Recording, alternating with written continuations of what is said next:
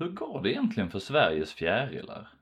Även om man som fjärilsintresserad kan få ett hum om olika arters bestånd i de marker där man rör sig allra mest, så är det först när man analyserar större mängder data över lång tid som man kan bedöma hur det faktiskt går för olika arter. Och i det här avsnittet så får ni bland annat veta mer om hur man kan bedöma om en fjäril är hotad.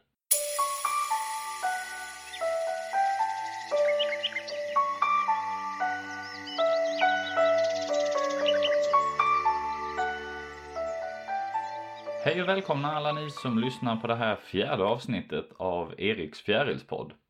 Eh, jag heter Erik Cederberg och i det här avsnittet så intervjuar jag Karin Arné. Karin är organismgruppsansvarig för fjärilar på Artdatabanken och som organismgruppsansvarig så leder hon expertkommittén för fjärilar.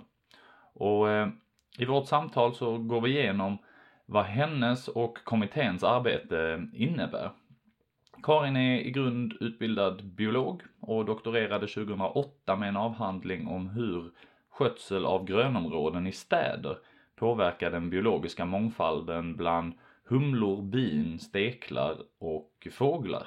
Och just biologisk mångfald i urbana områden har blivit kärnpunkten i Karins forskning. Och eh, även det ämnet tar vi upp i samtalet. Så jag hoppas ni kommer tycka det här är lika intressant som jag gjorde. Här kommer Karin Arné.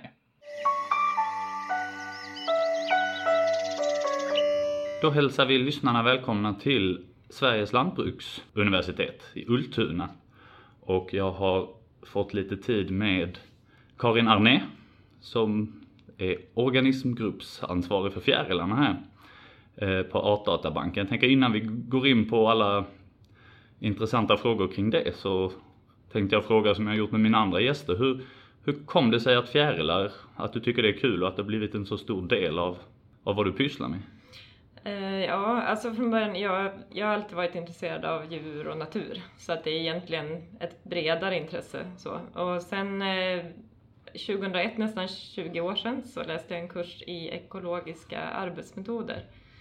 Uh, och då var vi i Thailand i tre veckor och mm. skulle göra ett eget projekt. Um, och vi hade med oss en kille där som var väldigt intresserad av fjärilar så att han satte upp en sån här lampa med uh, lakan och lampa och lyste efter nattfjärilar. Så där, uh, det var väl första gången jag blev riktigt fascinerad av fjärilar, just eh, den variation och de som kom dit och sen det fanns det fanns arter som liknade precis ett löv. Och, alltså det, var, det tyckte jag var häftigt. Ja. Thailand är väl svårt att konkurrera med för, för våran del även om det finns ja. ganska mycket häftigt här också. Ja, precis. Så jag, jag måste säga att jag tycker fortfarande det är en av de roliga sakerna att, att vara ute och lysa på fjärilar på natten. Och, um, ja, för man vet aldrig riktigt vad som dyker upp. Nej. Och så. Eh, men sen det var liksom, där startade insektsintresset. Jag jobbade själv med termiter där i Thailand Jaha. i det eh, projektet och sen eh, har jag liksom hållit på med insekter sen dess i, mm. på olika sätt. Och sen så har, det, har jag kommit in på fjärilar bara. Ja. De senaste sju åren här. Finns det någon koppling till termiter? Jag tänker det finns en del som parasiterar på myror av våra blåvingar. Finns det några ytterst specialfråga. Jag har inte hört talas om det men det vore väl inte omöjligt? Nej, jag, jag vet faktiskt inte alls det Nej. men ja, det, det, kan vara intressant att ta reda på kanske. Ja. ja. Gött. Jag, mm. jag, tänkte för att det är inte alla som vet eh, det här jag slänger ur mig, Artdatabanken och mm. Eh, organismgruppsansvar. Vi, vi kanske börjar i den änden att vad, vad är Artdatabanken? För det är väl lokaliserat här i Ultuna på SLU? Ja, precis. Vi, vi sitter på SLU och vi är en del av SLU. Men jobbar mer med eh, miljöövervakning, fortlöpande miljöövervakning. Och eh, Artdatabanken, vi säger, eller vi är ett kunskapscentrum eh, för arter och naturtyper. Mm. Så att vi mm vårt, liksom, vår slogan, eller vad man ska säga, vårt ledord är att vi ska arbeta för en rik och känd natur. Och det mm. innebär att vi liksom både övervakar och sammanställer information om naturen och arter och också eh, sprider den och eh, liksom bidrar med underlag till naturvårdande eh, myndigheter och eh, till andra som jobbar med naturvård och till forskning och eh, naturintresserad allmänhet också. Så det är liksom vår roll. Eh, Ja, för, för man kan väl, man kan komma åt det här som en del av informationen som privatperson. Det finns en sida, artdatabanken.se eller? Ja precis och det finns ju, vi har ju något som heter Artfakta där det finns eh, artinformation om, ja, om många arter och vi har, där finns det också tillgång till nycklar för en del arter. Mm. Sen har vi ju tagit fram nationalnyckeln för ett flertal, ett flertal organismgrupper, däribland många fjärilar faktiskt. Eh, och sen eh, Och nationalnyckeln, bara så vi, vi är tydliga, detta är alltså en bokserie. Ja, det, det är som en stor encyklopedi. Ja. För eh, liksom, från början skulle alla arter kartläggas, så det är väl fortfarande målet. Eh, men eh, ja, från början var det i, bara i bokform, nu är det också eh, digitalt. Mm. Så mycket av den informationen som finns i bokform läggs ut digitalt. Eh, och sen är det väl så att ni måste också rätta er efter vilka politiska vindar som blåser, är vad jag har hört. Att Ja, olika regeringar lägger olika budgetar och Mm. ibland har väl någon blåst av det här på jobbet med nationalnyckeln och sen så får man Ja. klartecken och starta upp det och det har varit lite hattigt eller? Ja, precis. precis. Precis när jag började på Artdatabanken då hade vi fått en neddragning på 10 miljoner. Ja. Så att eh, då lades ju det här nationalnyckeln-projektet på is och nu har vi liksom starta, börjat starta upp det igen. Eh, Men det ska också vara i digital form då. Men sen eh, så har vi också Artportalen där man eh, rapporterar in fynd av arter. Och eh, de fynden kommer ju naturvården till del eh, i stor utsträckning också. Eh, Jag, jag tror, om jag inte redan sagt det här i något, i något av mina tidigare poddavsnitt, så Artportalen är ju en guldgruva att eh, gå in och, och kika. Och så kan man se vad andra har, har sett, eh, vilka arter och så vidare. Utom de allra mest hotade är väl lite skyddat, eh, just de uppgifterna. Ja. Men om det är någon lyssnare som inte har varit inne på artportalen.se så ska man definitivt gå in och kika lite. Och eh, skapa ett konto. Ja, och, Ja. och rapportera in. Och rapportera. Hur- Ja, Ja. Jag, jag minns inte om det har kommit som, som mobilapp. Det var det enda jag tyckte var lite enerverande, att man inte kunde göra all rapportering smidigt i mobilen. Men det, jag vet inte om det har släppts en lösning på det eller om det är på gång. Ehm, ja, det finns väl någon form av mobilrapportering. Men eh, det, det är väl också under utveckling. Ja. Ja. Nej, Ehm, men eh, spana in det om ni inte redan känner till det.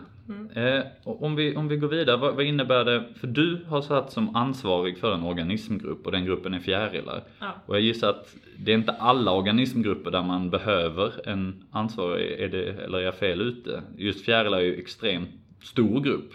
Mm. Vi har ju, alltså, de här grupperna är ju lite eh, artificiellt konstruerade i vissa av dem. Eh, fjärilar och skalbaggar finns det en organismgruppsansvarig, men sen finns det till exempel övriga terrestra vertebrater och då är det Oj. spindlar och det är halvvingar och det, alltså det, det är flugor, det är massa grupper som är klumpade Ja, där. ja.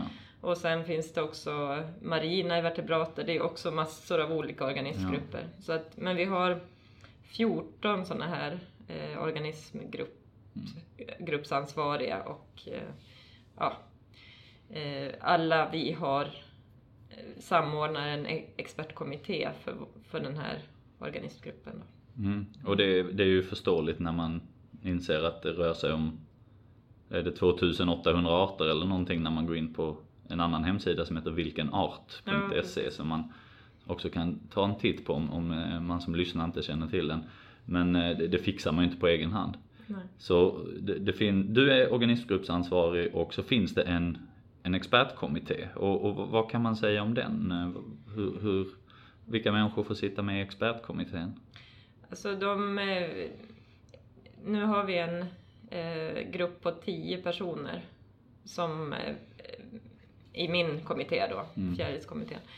Eh, och det är väl i den storleksordningen, en del är bara några få personer och andra är fler. Eh, och eh, ja, de, alltså de här personerna i fjärilskommittén har suttit där ganska länge. Och det finns ju många, det, skulle, det finns ju många personer som är väldigt duktiga på fjärilar. Så nu, nu är det några av dem som är med i kommittén och de eh, har alla sysslat med fjärilar sen, sen de var barn i princip och har ett väldigt stort, eh, mycket erfarenhet eh, och, och stor kunskap Mm. eh, om fjärilar och hur det har förändrats. För att en av deras viktigaste uppgifter är att vara med och bidra till rödlistningsarbetet. Mm. Och det, ehm, det är väldigt viktigt att ha deras perspektiv för de har, har ett ganska långt perspektiv på hur, hur saker och ting har förändrats. Mm. Ehm, så det är väl en, och, också kunskap om arternas ekologi och, och behov och så. Så, så rödlistan, finns det fler eh, arbetsuppgifter för kommittén eller kan man säga att eh, d- huvuduppgiften och huvudorsaken till att den har bildats är just att man vill föra en rödlista? Ja, alltså huvud... Ja, precis. Det är deras... Och vi kanske ska förklara också vad det är en rödlista som vi har börjat använda som uttryck. Vad, vad innebär det? Eh, Alltså rödlistan är ju en eh, slags bedömning av tillståndet för arter inom en viss region och nu i det här fallet Sverige då. Och, och bedömningen görs utifrån ett antal kriterier som är framtagna internationellt av eh, Internationella naturvårdsunionen. Så att det, vi följer samma kriterier som de har tagit fram, bara att vi applicerar det på Sverige då, så det är liksom avgränsat för, för Sverige. Så att vi bedömer inte om en art är eh, extinkt eller utrotad, utan vi bedömer om en art är försvunnen från landet. Ja. Alltså det är det, yt- det är liksom eh, en, en eh, bedömning av utdöende risk kan man Ja. säga. Och, och det här utgör lejonparten av kommitténs arbete? Ja, eh, som kommitté. Sen kan ju de experterna i kommittén anlitas för andra uppdrag. Som till exempel att skriva eh, artfaktatexter som, som kommer på den här artfakta.se. Eh, Eller att vara med och skriva nationalnyckeltexter. Eller sen tidigare eh, de här böckerna. Och ta fram nycklar eller eh, klassa arter på biotop, substrat, värdväxt som vi också gör. Mm. Alltså, eh, och sen brukar vi använda den informationen och göra olika typer av analyser och, och rapporter och så utifrån det. Eh, och om vi, om vi går igenom rödlistan, för då finns det ett antal olika kategorier som en organism, en fjäril i det här fallet, är vi intresserade av. Man kan klassa den i olika klasser inom den här listan. Mm. Eh, nu ska jag erkänna att jag har inte alla dem i, i huvudet, men är det en vanlig, eh, mycket vanlig fjäril som, som man finner i stort sett hela landet där klimat är lämpligt så är den livskraftig. Klassar man den som då. Och, och jag kan lägga till där att det faktiskt kan vara så. Nu, det, det har ju varit en dis, del diskussion om älg till exempel. Ah, och det, det ja. kommer nog fortsätta. Men det kan vara så att, att även väldigt vanliga arter Mm. ehm, kan bli rödlistade om de har minskat kraftigt. Så att det, Ja, ja. det finns eh, olika kriterier till varför en art hamnar på rödlistan. Så om de har minskat kraftigt under en viss bedöm, en- under den period man bedömer och för fjärilar och de flesta insekter så är det 10 år. Mm. Annars är det tre generationer, men tre generationer för många insekter är bara tre år. Ja, så att då, precis.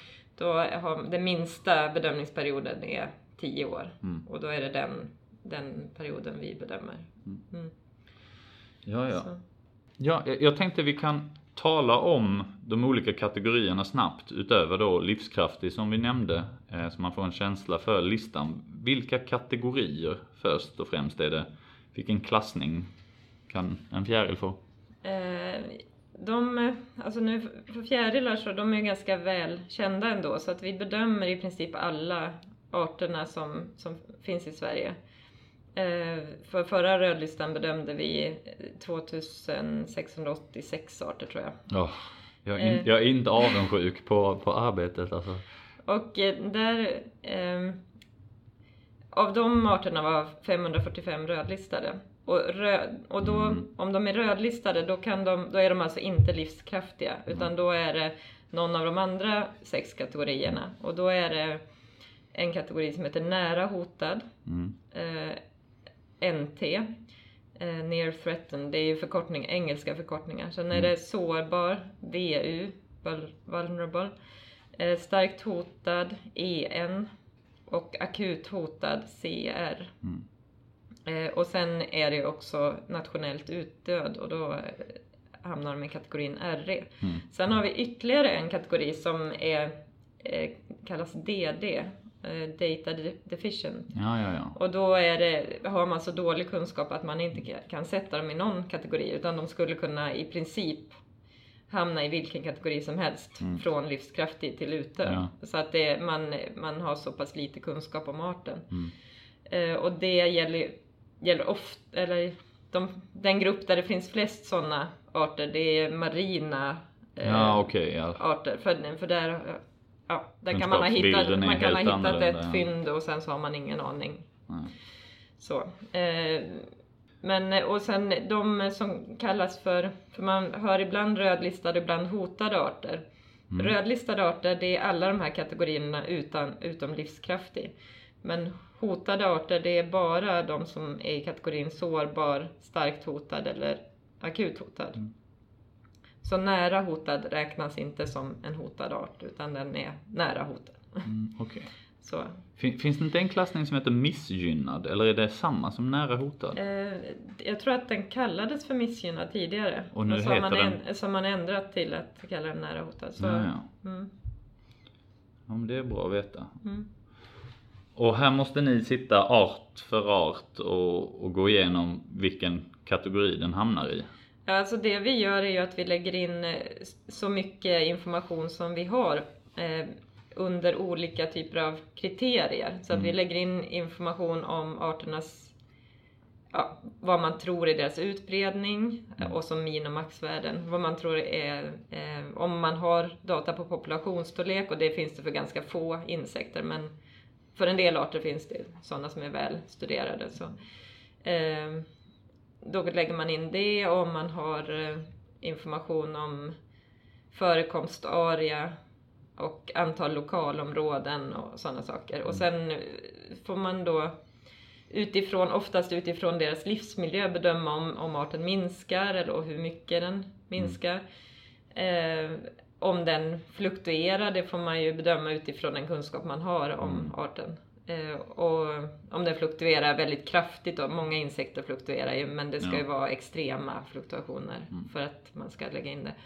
Och om eh, habitatet är fragmenterat, och det är det ju om eh, arterna har svårt att eh, röra sig, eller om individer har svårt att röra sig mellan lokaler, Mm. kan man säga. För att det är för långa avstånd. Ja. Så det, det är sådana det är såna data som vi försöker lägga in. Och mycket av det här är ju bedömningar men det finns ju också eh, underlag. Och Artportalen är ett viktigt underlag när vi bedömer artens utbredning Mm. kan man säga. Och sen så för minskning och så, då är, får vi oftast titta mer på, eh, ja, på habitat, eh, information om habitat. För det, det måste vara lite knivigt, jag vet inte om man kan kompensera för det matematiskt på något sätt. Att det har blivit fler och fler som har börjat rapportera på Artportalen. Mm. Och antal intresserade människor vad gäller att skåda och fotografera fjäril och rapportera har också ökat. Så att Mm. man, Alltså Det- trender är ju ganska svårt att räkna ut utifrån Artportalsdata. Det är ju, vi har forskare vid eh, Artdatabanken som faktiskt jobbar med, med den typen av frågor. Men, Mm. Och det finns eh, olika sätt att komma runt det. Men, men det är, är fortfarande svårt att använda Artportalsdata för att bedöma trender. Men Mm. däremot att se artens utbredning, totala utbredning och och få ett hum om ifall den har minskat eller ökat. Man kan ju se att om de allra flesta fynden är gamla fynd, då kan man ju förmoda att någonting har hänt. Mm. För att normalt sett så skulle de flesta fynden vara nya fynd eftersom Ja. det är fler rapportörer Precis. och fler. Så att det borde liksom öka. ja. Och inte, ja. Så att man kan ju få en indikation i alla fall utifrån de data. Mm. Så, så beroende på hur datan ser ut så hamnar man i de olika klassifi ja, klassificeringen här på Mm. listan. Eh, men det är då olika kriterier som man, som man kollar. Mm. Eh, och vilka är de? Eh, ja, det, alltså, eh, arter kan bli rödlistade utifrån olika kriterier. Och, eh, och då är det fem olika kriterier från A till E. Det första är populationsminskning och det var det jag sa tidigare att ganska vanliga arter kan bli rödlistade om de har minskat kraftigt. Mm. Ehm, och sen eh, de flesta insekter och de flesta fjärilar är bedömda på B-kriteriet och det handlar om eh, geografisk utbredning, alltså att de har ett begränsat utbredningsområde och i kombination med att eh, deras förekomst är fragmenterad, de minskar eller, och eller eh, har extrema fluktuationer Mm. i populationsstorlek. Det är väl ja, det är det, kriteriet som vi använder mest för, för insekter. Mm. Sen finns det ytterligare några. Eh, C-kriteriet där är en art med en väldigt liten begränsad population, alltså få individer och eh, fortgående minskning.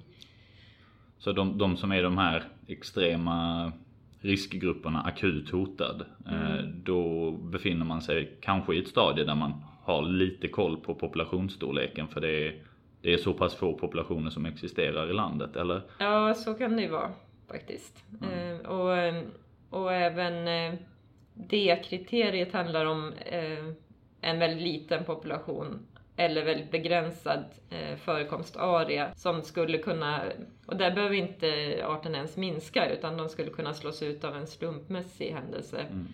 Eh, Så vi, så förra sommarens extremväder kan vara en sån grej som vi ser i framtiden kan ha slagit mot såna här väldigt små populationer. Ja precis, om de bara finns eh, på ett väldigt be- begränsat område då finns det ju risk för att en sån ex- extrem händelse kan eh, eh, slå ut populationen. Så, och sen finns det en sista, ett sista kriterium, E-kriteriet, som är där man gör en kvantitativ eh, analys av utdöende risk. Men det kräv, det, dels är det väldigt tidskrävande och dels kräver det ganska bra data för att få någon för att kunna genomföra det. Så att det, det har inte gjorts eh, i särskilt stor utsträckning. Jag måste ju erkänna att jag inte riktigt förstår vad det betyder. En kvantitativ utdöende risk. Ja, alltså att man... eh, Nu kommer jag inte på vad man kallar det egentligen. Man, mm, alltså man beräknar risken för att dö ut eh, med en modell. Okej. Eh, Man modellerar risken. Och, och använder man då all, all den data som man har att tillgå för samtliga av de här kriterierna vi har radat upp då och lägger in dem i en modell eller är det mer?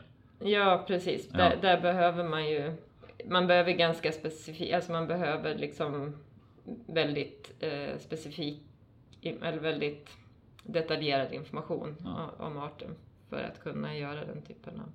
Så jag gissar att den sitter ni inte så mycket med i expertgruppen eller? Nej, det har vi tyvärr inte haft möjlighet. Det, det är ofta om det finns sådana analyser som har gjorts i något forskningsprojekt eller så, då kan man ju eh, ta med det i beräkningen. Ja. Mm. Vi, vi tjuvkikar ju lite i rödlistan som ligger här på bordet och B-kriteriet så var det ju nätfjärilarna hittade vi de rödlistade där. Sotnätfjäril, ängsnätfjäril och väddnätfjäril. Mm. Och det är väl sånt typexempel på de vill ha mark som inte finns i samma utsträckning idag som det gjorde för hundra år sedan. Precis. Ja.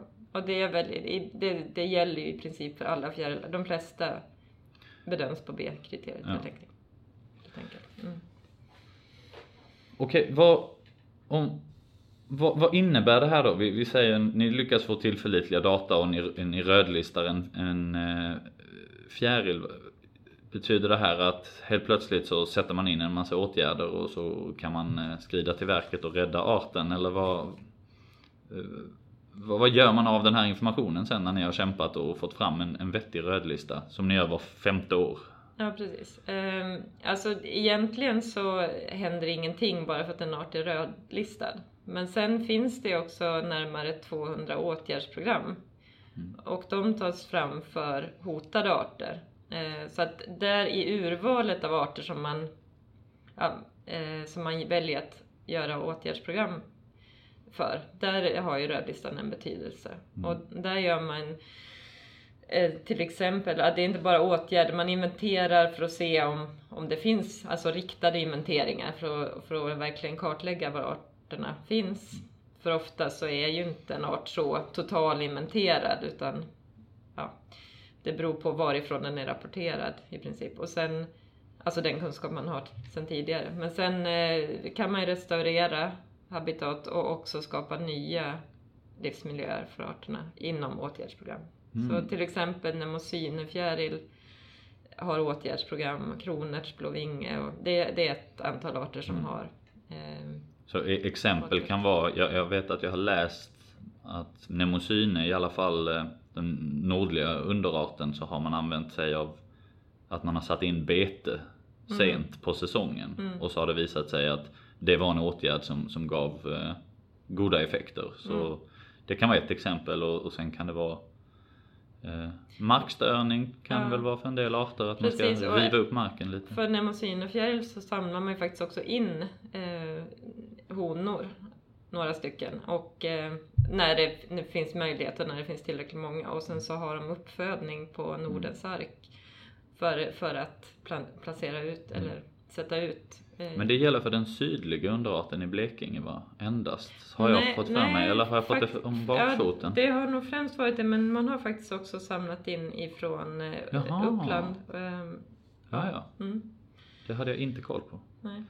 Eh, vet du hur det gått? För jag har, det jag har hört så har det varit rätt så knivigt att få till den där uppfödningen med just mnemosyne. Jag, jag vet inte exakt hur det har gått med den, men jag vet att det har varit en ganska bra flygning av nemosynefjäril, åtminstone i Uppland i år. Ja. Så det har varit positivt. Mm. Ehm, Så ja, det finns hopp. Ja. men, men ofta när man sätter in de här åtgärderna så är det ju när arterna är på väldigt låg nivå Ja. redan och då är det ganska svårt många gånger och även om man gör åtgärder att få dem att få trenden att vända. Mm. Så.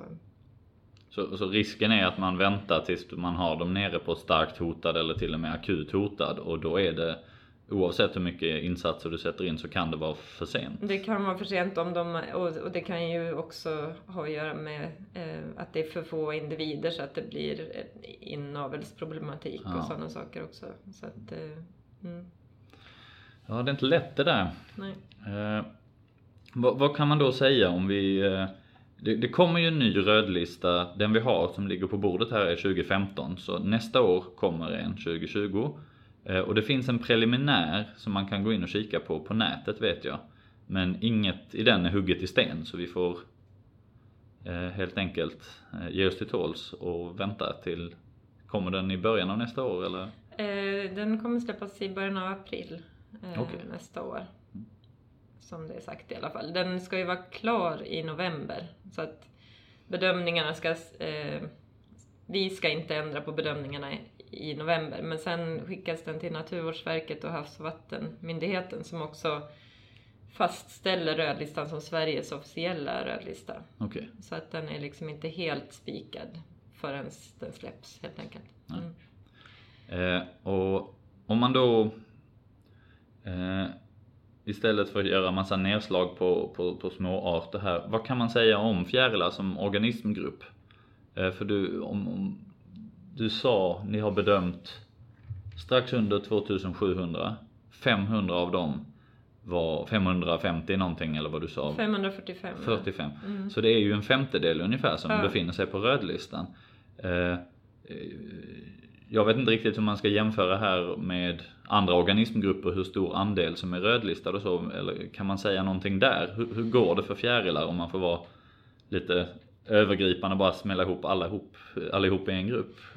Alltså det är ju en, en gans, det är ganska många arter som är rödlistade kan man säga. Mm. Ehm, och det, om man jämför med andra organismgrupper så är det inte någon exceptionellt stor andel men det är en, en stor andel. Mm. Det är inte en liten andel heller. nej. Och samtidigt om man tittar på arter som vi kan mer om som dagfjärilar och bastardsvärmar. Om man bara tittar på dem så är det en tredjedel av dem är rödlistade. Aj, aj. Så att eh, det finns ju en risk att man underskattar alltså, de arter som man kan eh, eh, mindre om. Det de kan ju vara mer hotade än vad vi vet. Det kan vara åt andra hållet också men Ja. ja. Det, det, det där är ju klurigt för jag tänker att man Det finns ju den här klassiska fabeln om eh, pojken som vallar får och, och, och tyckte det var kul att skrika att vargen kommer och lura upp alla byborna. Att man hamnar i den situationen. Mm. Om man skriker varg på för många arter så att säga. eh, Mm. Så att man snarare är försiktig och att det är en stor risk att det faktiskt är en större andel snarare än på andra hållet? Eller tänker, jag, Ja, tänker jag fel?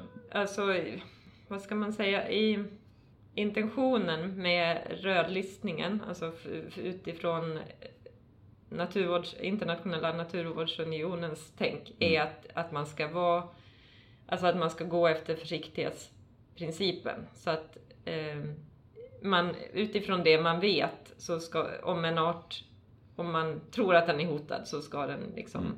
Så man försöker snarare lägga det på andra hållet att Ja. hellre rödlista och sen ta bort den från listan än, än att man riskerar att missa en hotad art. Ja, eh, det skulle jag nog säga. För att det är ju, det är ju större risk med att... Eh, ja, det, det är ju det är större risk med att inte rödlista en Ja, art som, ja. som möjligen är hotad. Men sen, sen är det ju, de flesta av de här arterna lever i, i miljöer som minskar så att Mm. eh, ja, jag tror inte att vi överskattar antalet Nej. hotade arter. Eller? Vi har ju redan varit inne på det, på, på det här lite men de, de stora hoten mot fjärilar om man försöker läsa rödlistan det verkar ju vara habitatminskning som är den största boven. Mm. Eh, och, och vad beror det på? Varför försvinner de här markerna? Alltså för fjärilar är det ju främst blomrika gräsmarker om, ja, eh, som minskar i jordbrukslandskapet på grund av eh, dels upphörande hävd, och kvävenedfall och att man har en annan typ av mer storskaligt jordbruk Mm. numera. Så att, eh, ja, det blir mer ensartade miljöer helt enkelt. Sen är ju avverkning av kontinuitetsskog är också ett problem för en del arter. Alltså skogslevande arter. Så, Och när du säger kontinuitetsskog menar du riktigt gammal skog där det har varit skog på en plats under Precis. lång tid? ja, inte, inte, inte den eh, produktionsskogen då i, i första hand. Och en produktionsskog då har vi samma art i alla träd, samma ålder, ett granplantage Mm. exempelvis. Ja. Eh, Och där är det inte så lätt att leva om man är fjäril inte. Nej, nej, det blir ju en mer, alltså när vi anpassar skötseln av landskapet överhuvudtaget mer och mer efter människor. Och eh, vi är ju en art.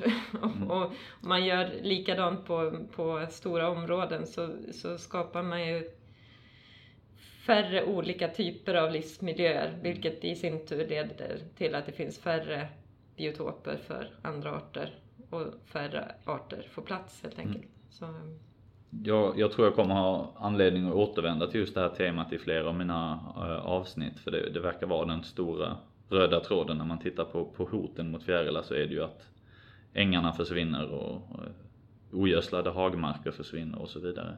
Mm. Men eh, om, om vi berör en punkt till. Vi har ju ett antal fjärilar som bara förekommer i de absolut nordligaste delarna av landet. Eh, där klimatförändringarna rimligtvis kan utgöra en faktor. Mm. Är jag ute och cyklar här eller är det en annan utdöende risk? Ja, alltså det är ju väldigt svårt att bedöma eh, effekterna av klimatförändringar. Eh, och i och med att vi bedömer på så pass kort tid som tio år så, så har vi varit lite restriktiva med att liksom använda klimatförändringar som en eh, hotfaktor. Men, men just när det gäller de nordligaste arterna som som har väldigt begränsad förekomstarea Mm. eh, långt upp i fjälltrakterna. De, där eh, kan man ju misstänka att de, de hotas av klimatförändringar. Ja, vi får se vad kommande rödlistor har att säga. ja. Eh, och många av dem, jag tror alla, alla rödlistade arter i alla fall, eh, om man är intresserad, finns det ofta väldigt bra information på just artfakta-sidan på artdatabanken.se. ja.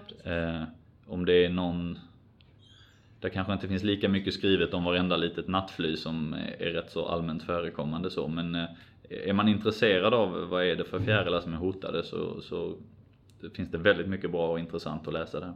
Mm. Jag vet inte, har vi något mer att säga om eh, detta Karin?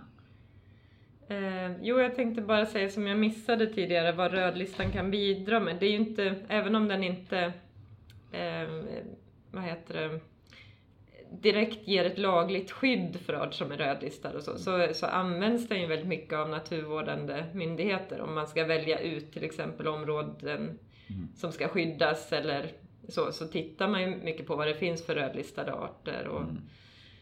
Så att den, den används väldigt mycket i naturvården ja. man ändå. Får, man får en standard för hela riket kan man säga på något sätt. att ja, alltså, Är den rödlistad så är den, man vet vad man pratar om lite.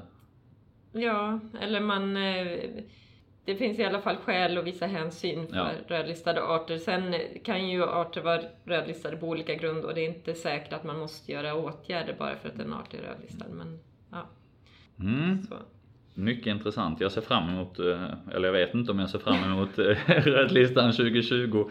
Jag, jag, är lite rädd för vad, vad jag kommer läsa men det, det ska bli intressant att, att, att, se när den släpps sen. Mm. Eh, jag vet du har varit generös med din tid här. Jag skulle bara snabbt vilja hinna fråga också.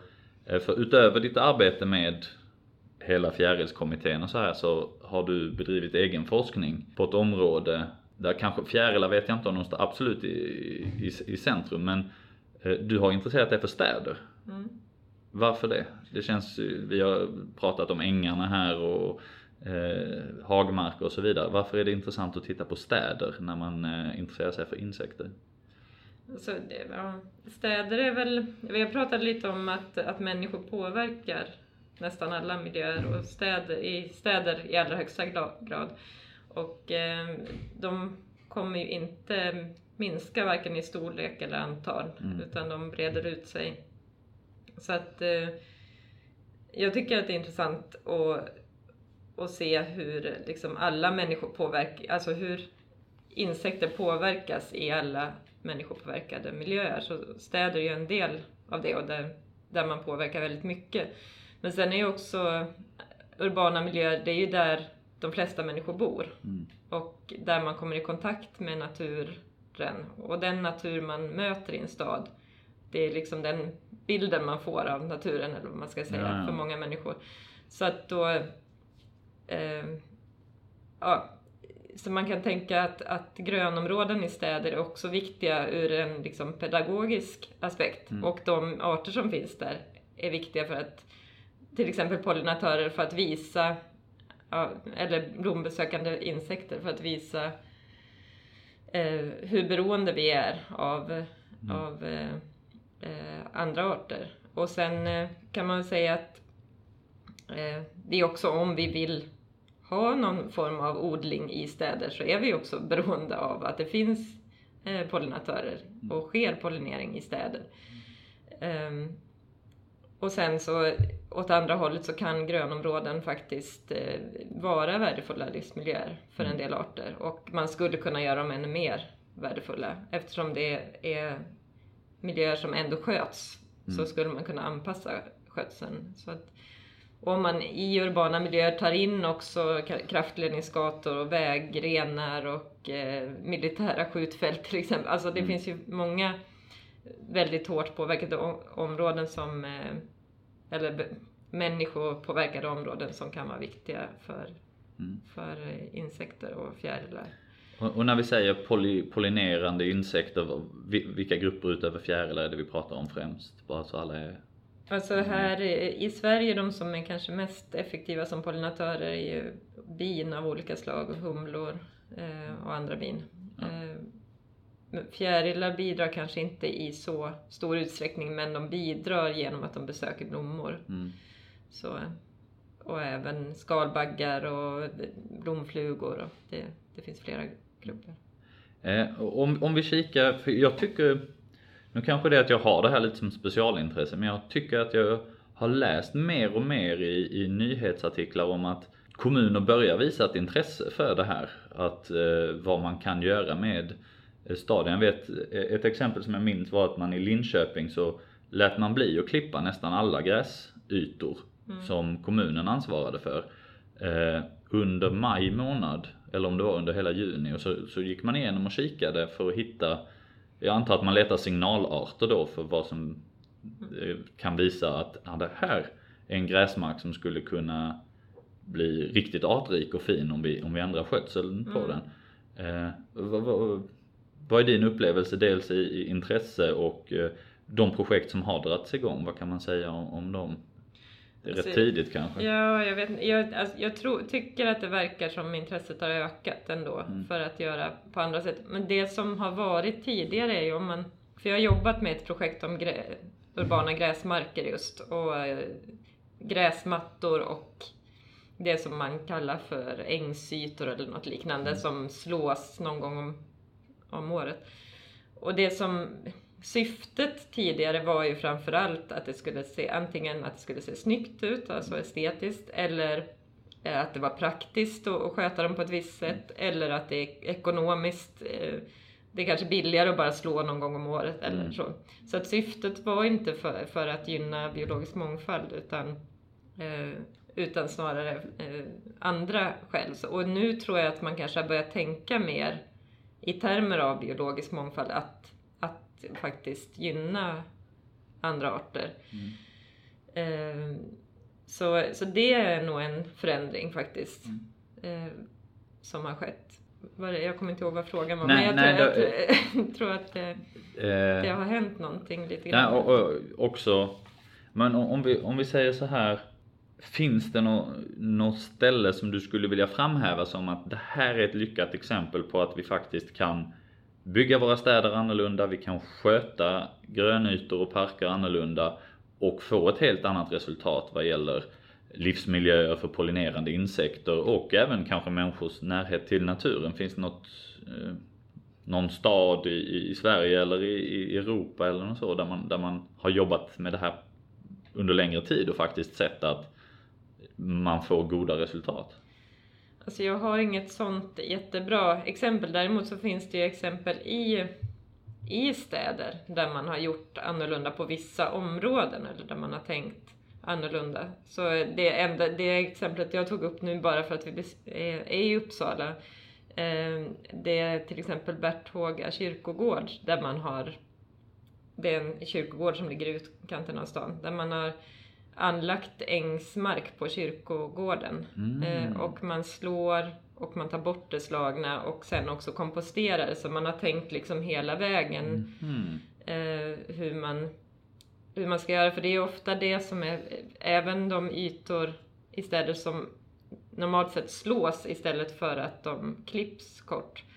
Eh, där låter man oftast det slagna gräset ligga kvar och då blir det liksom en anrikning av näringsämnen. Så att det blir inte en, en artrik ängsmark. Nej.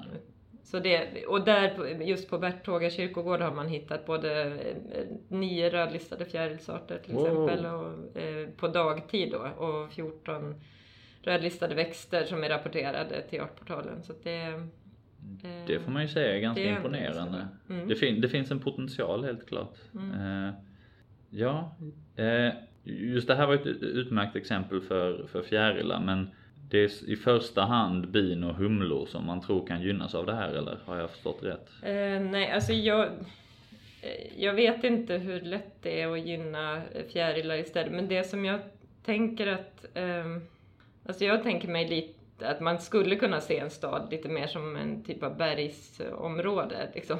Eh, Och där är fläckvis vegetation Mm. på olika nivåer. Och, alltså, så att det, jag tror egentligen att man skulle kunna gynna fler arter om man Eh, alltså om man bara från början, både när det gäller skötsel och anläggning av, av eh, nya områden eller även skötsel av befintliga områden, att man börjar med att tänka mer på någon annan art. Att man tänker liksom ska anlägga ett nytt bostadsområde så ska det vara eh, gynnsamt för människor men också för många arter humlor till exempel. Ja.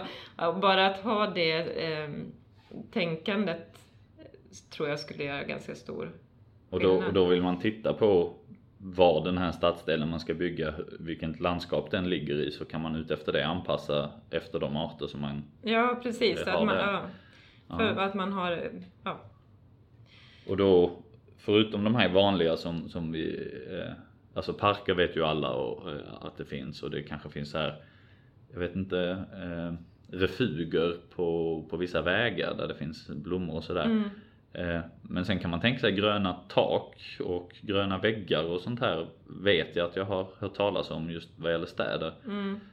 Eh, Ja, alltså jag, jag är, det, vet är det också en del i det hela eller? Det är, det är inte så, så väl studerat hur, alltså det är det ju Mm. såklart, och så, men det är inte så väl studerat hur, hur Mm. bra det fungerar. Men, men det är ju en möjlighet, Mm. eh, absolut. Sen är ju något som jag tittade på när jag var doktorand, det var koloniträdgårdar och de är ju ofta Ah. väldigt, både artrik, alltså skapar både miljöer Ja. för för eh, liksom boplatser och, och nektar och pollenkällor och eh, näringsväxter för fjärilar till exempel. Och dessutom då eh, kan bidra med, med bär och, och grönsaker till människor och, Ja. och rekreation. Och, och där har vi ju ett det- exempel där pollinerarna plötsligt blir väldigt, väldigt viktiga. Det är inte så kul att ha en koloniträdgård utan några pollinerande nej, insekter. nej, precis. Så där är ju en väldigt tydlig koppling. Så, Mm. ehm, så fler koloniträdgårdar i städer är ju också Ja. bra. Ja. Utmärkt, jag, jag börjar bli medveten om att klockan eh, rinner iväg här. Eh, är det någon sista del vi ska säga om, om just pollinerande insekter i urban miljö annat än att det är skönt att folk äntligen fått upp ögonen och det verkar finnas en potential? Nej men det är väl ett bra avslut. Att det, och just jag sk- skulle väl också vilja lyfta fram att i Sverige har vi faktiskt en ganska stor potential eftersom vi har rätt så små städer, ganska gröna städer eh, jämförelsevis om man Mm. jämför eh, globalt. Eh, där städer oftast är mycket större och det är mycket svårare att, att skapa eh, miljöer för fjärilar eller andra insekter. Så att jag tror Sver- i Sverige har vi absolut en stor potential att göra skillnad eller ändra skötseln och göra skillnad. Och det kan man väl som, om man lyssnar på den här podden så vore det väl en utmärkt idé att ta kontakt med kommunekologen och höra om det inte finns möjlighet att göra något som motsvarar det som Linköping har försökt sig på i den stad där man själv bor. Mm. För, för det tror jag finns eh, det tror jag det finns många duktiga kommunekologer som gärna hänger på det där och sen är det ju ingen det är ju ingen jätteinsats att hoppa över eh, skötseln ett tag för några gräsmarker samtidigt som det kanske kan få väldigt spännande resultat om vi bara utgår från kyrkogården du nämnde här i Uppsala. Så Mm. Och där har de i och för sig sått in eh, olika växter också så det kan ju krävas en, en lite större insats i början för Mm. att verkligen få någon effekt. Men, men, eh, ja, men det, i längden så, behöv, så kan ju skötseln bli mindre intensiv. utmärkt. Ja. Kanske någon som kan göra slag i saken. Jag ska Mm. se hur det är i Kalmar där jag bor. Ja. Okej, tusen tack för att du var med Karin. Tack så mycket. Du har lyssnat på Eriks fjärilspodd. Du kan hitta mer information om podden och dess avsnitt på dess Facebook-sida som också heter Eriks fjärilspodd. Och där kan du även ställa frågor, komma med önskemål, tipsa om gäster du vill höra på podden och ge kritik och konstruktiva förslag. Och om du vill stödja den här podden så kan du göra det genom att tipsa vänner och bekanta om den och dela den på sociala medier. Du kan även stötta podden genom att swisha pengar till nummer 0733 56 49 67. Och bidragen gör att jag kan lägga mer tid på podden och att jag kan betala för den utrustning som behövs för att producera den. Så tack för ert stöd och stort tack för att ni lyssnat.